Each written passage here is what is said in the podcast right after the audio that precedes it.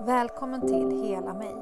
En existentiell podcast som handlar om att omfamna livet och ställa de större frågorna så att vi kan kliva vidare och fram för ett helhjärtat liv. Hela mitt liv har jag längtat efter att bli hel och jag har därför ägnat tid och pengar på att lära mig olika tekniker och tankesätt som lovat just detta. Om jag bara äter bättre, sover mer regelbundet, tränar, tänker, tror eller praktiserar någonting annat än vad jag redan är, då, då kanske jag äntligen kan bli hel. Det var löftet, men jag blev inte hel. Sökandet förde mig istället bara längre bort ifrån mig själv.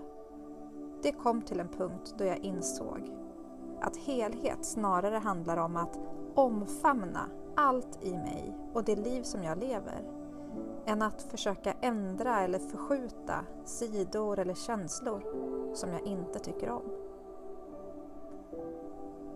Jag som driver den här podden heter Josefin Lennartsson.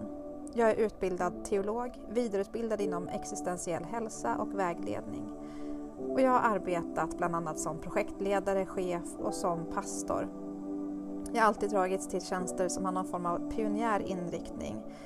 Jag älskar att se potential och ge utrymme för nya tankar och perspektiv och nya sätt att göra saker på.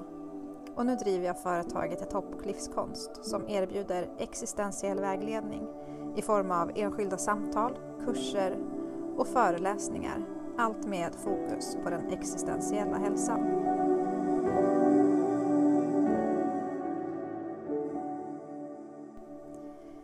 Jag har i avsnittet Kyrkan del 1 och 2 pratat om dekonstruktion och reformation av tron samt min resa genom olika kyrkliga sammanhang och kulturer.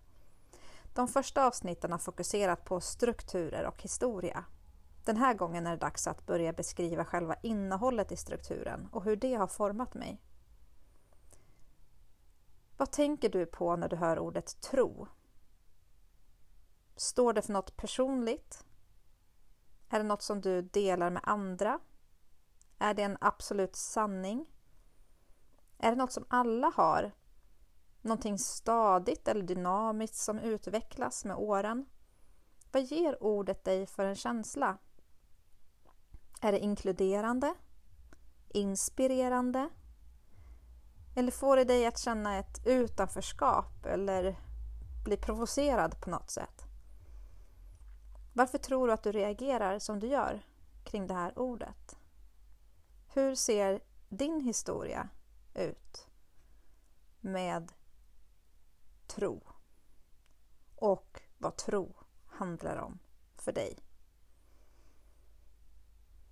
Den här typen av frågor tror jag är viktiga för att stärka den existentiella hållningen i livet och den här världen. Att kunna vrida och vända och hitta svar som rotar dig i vem du är och vem du vill vara och den verklighet som du just nu befinner dig i. Det är viktigt att kunna ställa sig frågor och våga ge egna svar på dem. Inte fråga om det är okej okay eller om de överensstämmer med hur någon annan svarar. När det kommer till att leva ett helhjärtat liv så behöver du vara i kontakt med din egen inre kompass. Självklart kan man inspireras av andra och hitta vägar tillsammans med andra människor. Men du behöver kunna svara på dina egna sanningar. Annars kommer de heller inte kunna bära dig. Det existentiella förhållningssättet till livet går bortom religion och andlighet, men det ignorerar inte nödvändigtvis dess funktion. Jag växte upp i frikyrkan och fick tidigt lära mig ett kristet förhållningssätt till livet till tron och till världen.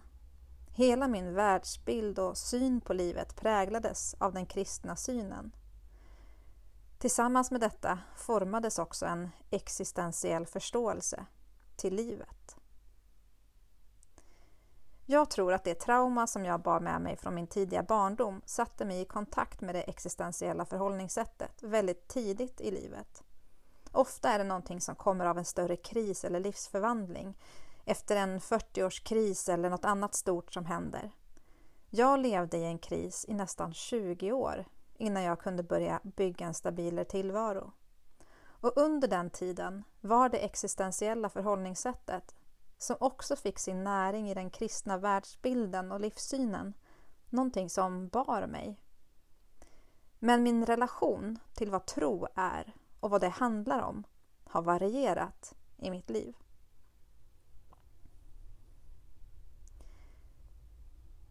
Kyrkan är för många en gemenskap som delar en tro.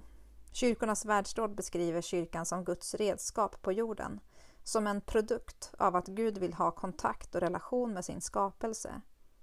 En del av Guds mission, så att säga. Det förutsätter så många saker, bara att uttala de orden.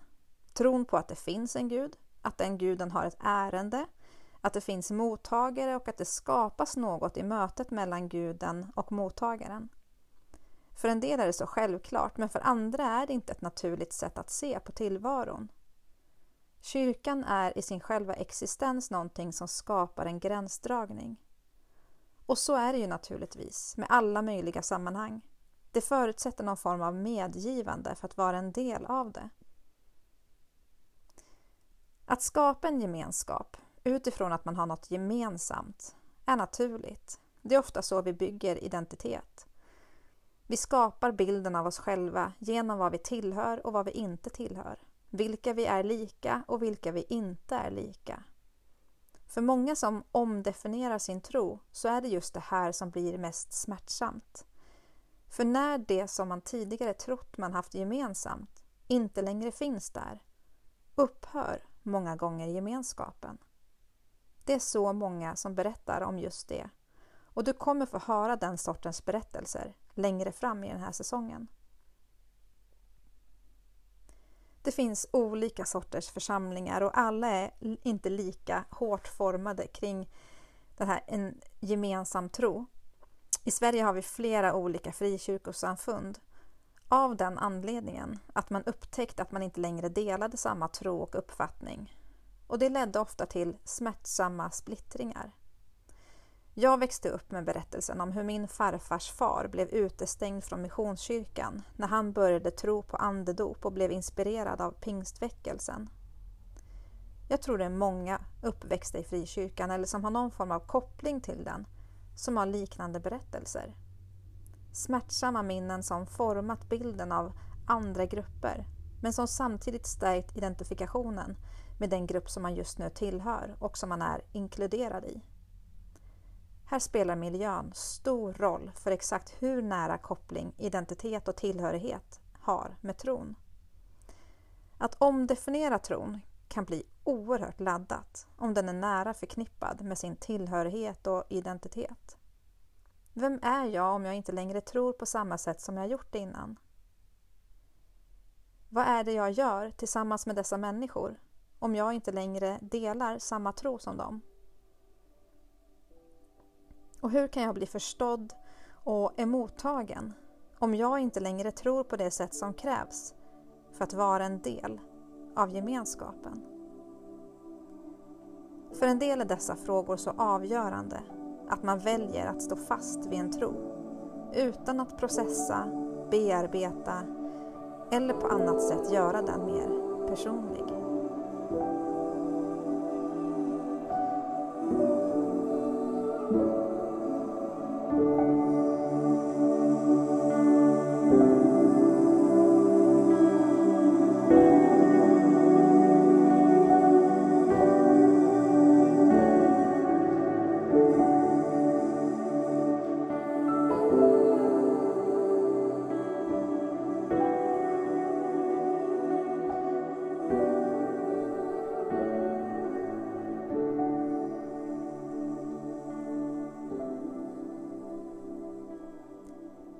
Det här sättet att se på tron, på kyrkan och gemenskap är väldigt destruktivt. Även för den som inte känner något behov av att bearbeta eller omdefiniera sin tro.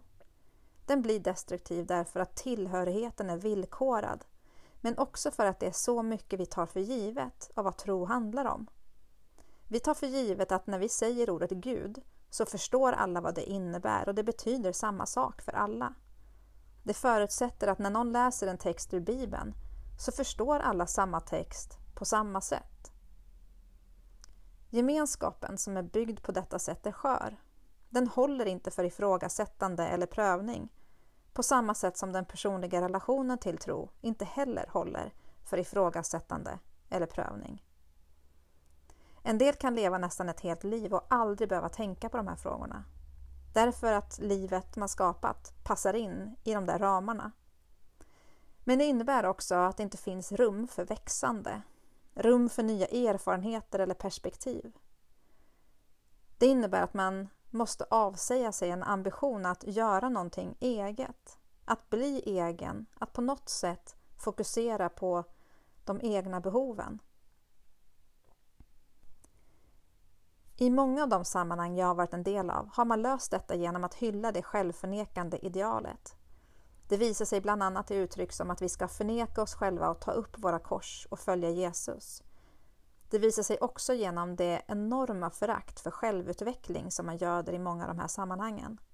Att titta inåt, lyssna till sina känslor, ifrågasätta eller jobba med sig själv är själviskt, självupptaget och handlar om navelskåderi.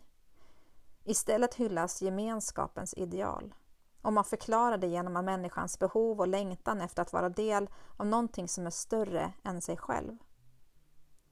Men om tillhörigheten med någonting större än mig själv tvingar mig att ignorera den jag är och de behov som jag har kan jag heller aldrig frodas eller uppleva riktig samhörighet.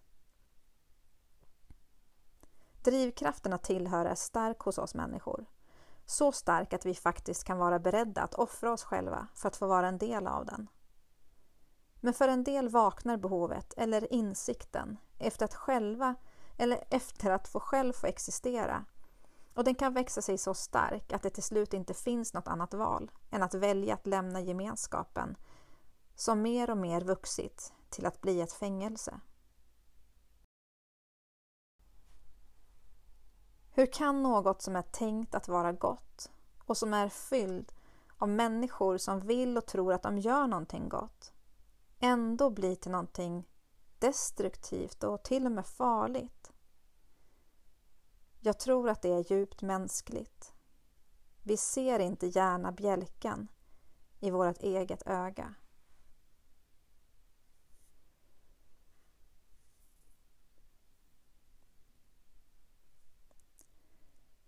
När jag började läsa teologi trodde jag att jag skulle bli mer rotad i min tro. Att den skulle bli mer stadig så att den kunde bära mig och försvara mig. Det var nästan något magiskt över den där förväntan. Att tron skulle besitta en sån kraft. Som att tron var någonting, något eget väsen som kunde skydda mig och leda mig. Bara jag trodde på rätt sätt. Under åren då jag läste teologi på olika bibelskolor inom pingströrelsen så var det detta som var ambitionen. Vi fick argument att försvara tron med.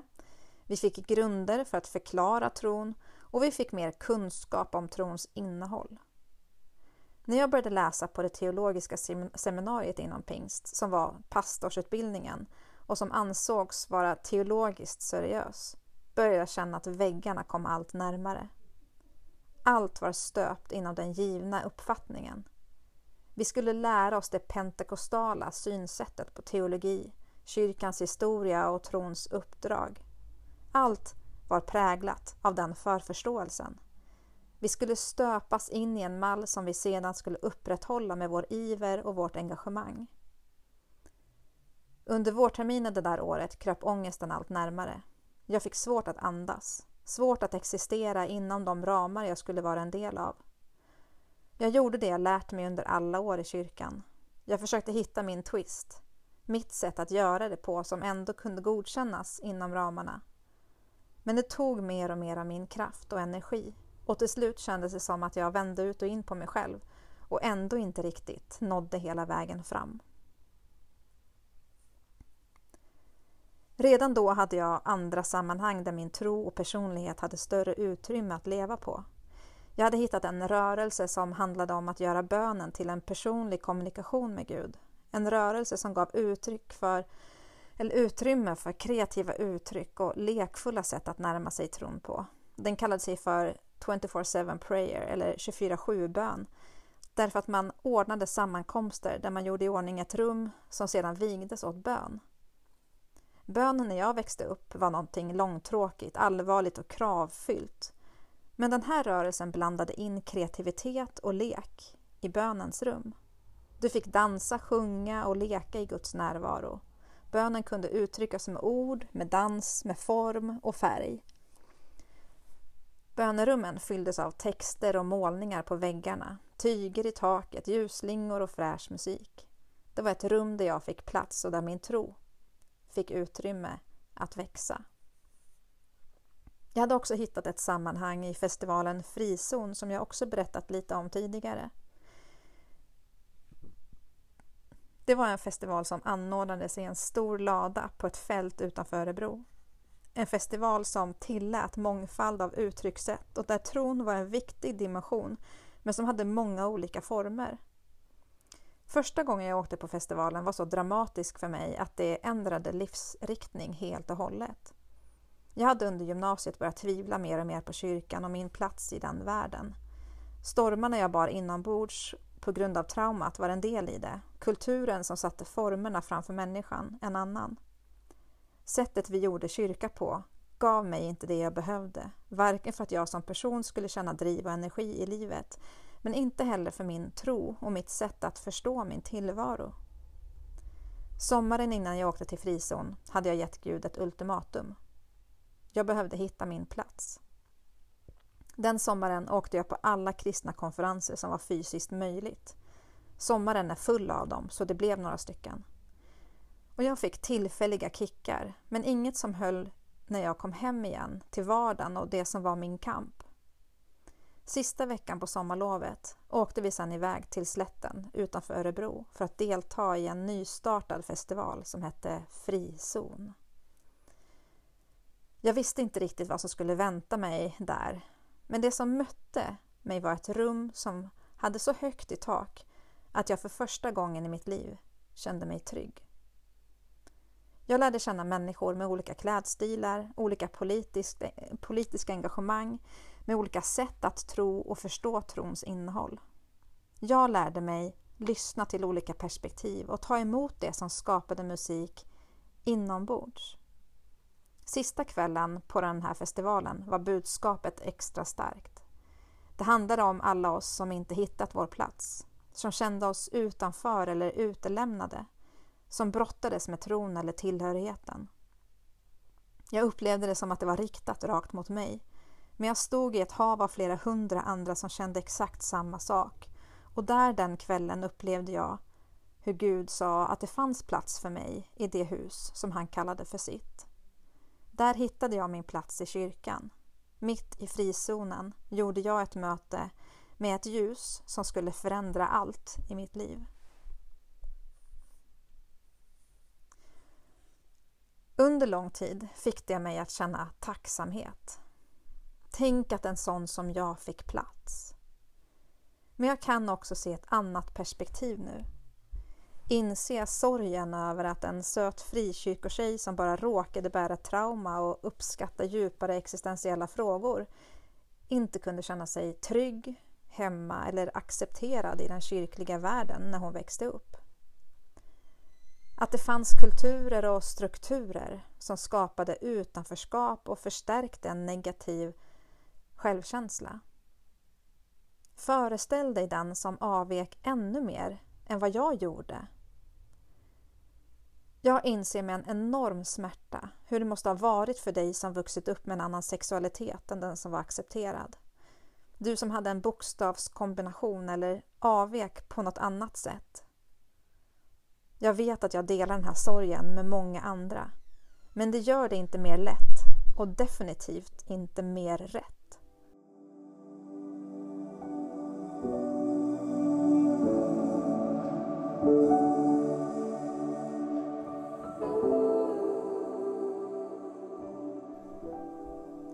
Länge trodde jag att det var mig det var fel på. Att jag bara behövde förändra mig, passa in bättre, skärpa mig. Samtidigt vet jag att det finns sammanhang, också i kyrkan, som varit duktiga på att inkludera alla möjliga sorters personer. Det är såklart inte svartvitt. Men att man ens såg att det behövde skapas en frizon och att den platsen blev så oerhört värdefull för vissa personer säger någonting om den miljö många av oss växte upp i.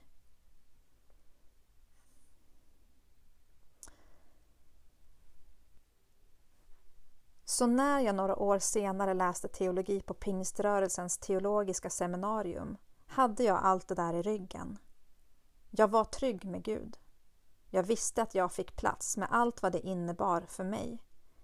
Men jag insåg också att jag hade vuxit ur de rum som jag var uppvuxen i.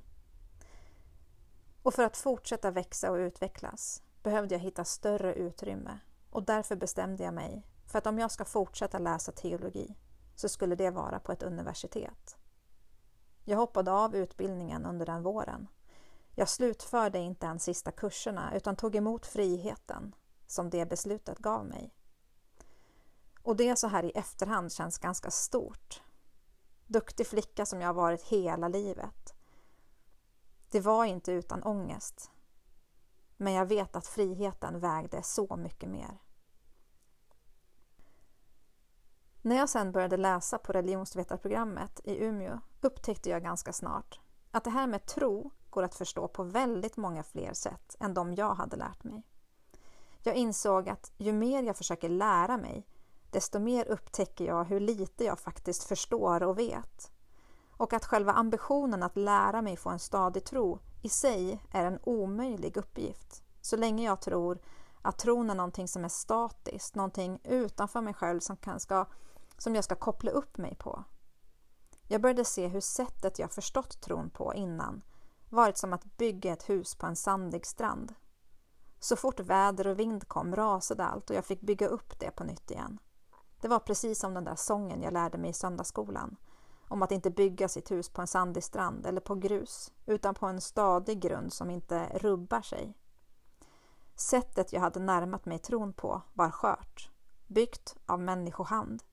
Det var bräckligt och i behov av rätta förutsättningar för att hållas uppe och i ständigt behov av underhåll och försvar. Tron bar inte mig. Det var jag som bar den.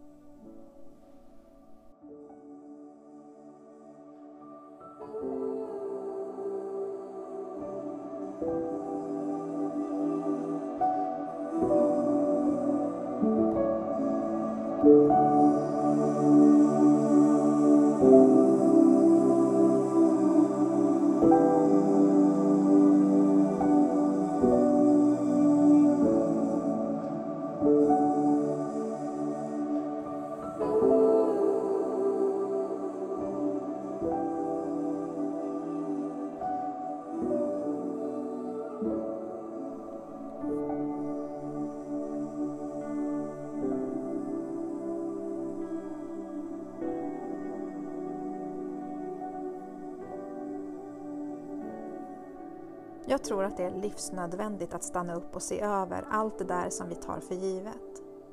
Vad är en tro? Kan vem som helst ha en tro? Kan man sakna en tro? Hur förstår vi vad tro är och hur delar vi tron med andra? Kan man ens dela tron med någon annan? När frågor blir provocerande, provocerande eller frustrerande är ett tecken på att du behöver lägga lite mer fokus där. Vad är det egentligen som provocerar dig så mycket eller som skapar en frustration i frågeställningen? Utifrån ett existentiellt perspektiv har alla människor en tro. Däremot så kallar man den kanske inte för just det och den ser olika ut och kan få olika konsekvenser. Man kan kalla det för att vara en sökare, för att vara spirituell, andlig eller upplyst för att ge några exempel. Utifrån det här perspektivet har även en ateist en tro. Alla har en livssyn och ett sätt att förhålla sig till den här världen. Alla människor är däremot inte medvetna om vad man har för tro eller vilka konsekvenser den får. I det samhälle vi växt upp i, där det skapats grupperingar utifrån olika tro, är det lätt att tänka att man själv inte har någon tro om man inte tror så som någon av de här grupperna gör. Jag tror att det är farligt att inte vara medveten om sin tro. Farligt att inte vara medveten om vad det är som formar identitet och förståelse av livet. Men det är också farligt att inte vilja ifrågasätta den. Att inte vilja pröva den eller ta del av andra perspektiv. Det är farligt därför att det är då vi bygger ett liv på en väldigt osäker grund där yttre omständigheter och specifika förutsättningar behövs för att vi ska kunna känna oss trygga, sedda och lugna. Och jag tror att det är just detta som vi ser i samhället idag. Hur tonen hårdnar mot människor som tänker och ser på tillvaron på ett annat sätt.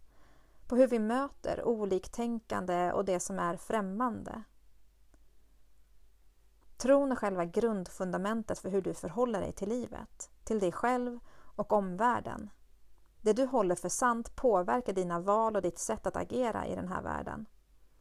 En tro med tydliga definitioner, med skarpa sanningar som inte får ifrågasättas, skapar ett behov av ständigt försvar och underhåll. För mig handlar tro om vem jag vill vara i den här världen. Det handlar om vad jag ser stärker och bär upp karaktärsdrag som ger utrymme för livet och min villighet att fortsätta investera i de krafterna här och nu. Tron handlar om att se på livet med ödmjukhet, att våga tillit, lita på att de värderingar jag har håller även när det stormar.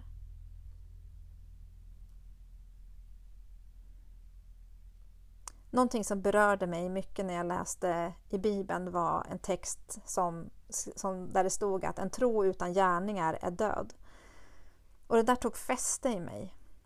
En tro som inte formar mig till att leva en vardag där kärleken till mig själv, mina medmänniskor och hela universum frodas är inte en tro som jag vill bygga mitt liv på. I en annan bok i Bibeln, i Hebreerbrevet, så står det att tron är grunden för det vi hoppas på. Och jag tror att det funkar så. Att tron ska producera hopp. Att det ska stärka dig att ta nya tag för det liv som du lever. För de värden som är viktiga för dig. Tron ska bära dig när omständigheter förändras.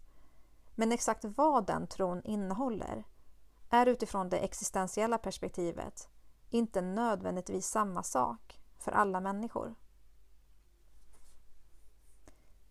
Jag har brottats med min relation till kyrkan för att min tro så sällan har rymts innanför ramarna. Jag har brottats därför att gemenskapen och tillhörigheten har varit villkorad och baserad på definitioner som vi tar för givet att vi står bakom. Jag har brottats därför att det inte funnits utrymme för mig att växa, att ifrågasätta eller lyssna på fler perspektiv. Men jag har också funnit rummen där leken fått utrymme och gjort möten som har skapat ännu mer liv inom mig. Jag har hittat till en större frihet och den har lett mig hela vägen till den plats där jag är idag.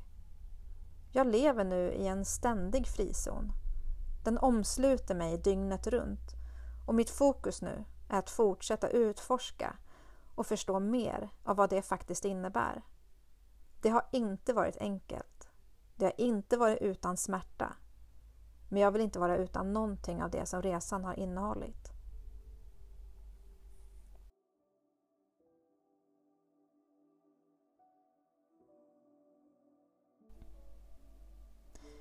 Det är dags att avrunda det här avsnittet. Men det finns så mycket mer att säga om det här med tro. Att våga möta tron från olika perspektiv. Att ifrågasätta och lyssna till det som skaver med den tro som du har. Och inte minst det som många kallar för att dekonstruera sin tro. Så jag ser fram emot att fortsätta dyka ner i det här ämnet framöver. Du har lyssnat till Hela mig en existentiell podcast som handlar om att omfamna hela livet och våga ställa de större frågorna så att vi kan kliva vidare och fram. Prenumerera gärna på podden så hänger du med när nya avsnitt släpps. Om du gillar det du hör får du gärna också stötta mitt arbete genom att betygsätta podden och även dela den till andra så att den blir tillgänglig för fler. Tack för att just du har lyssnat.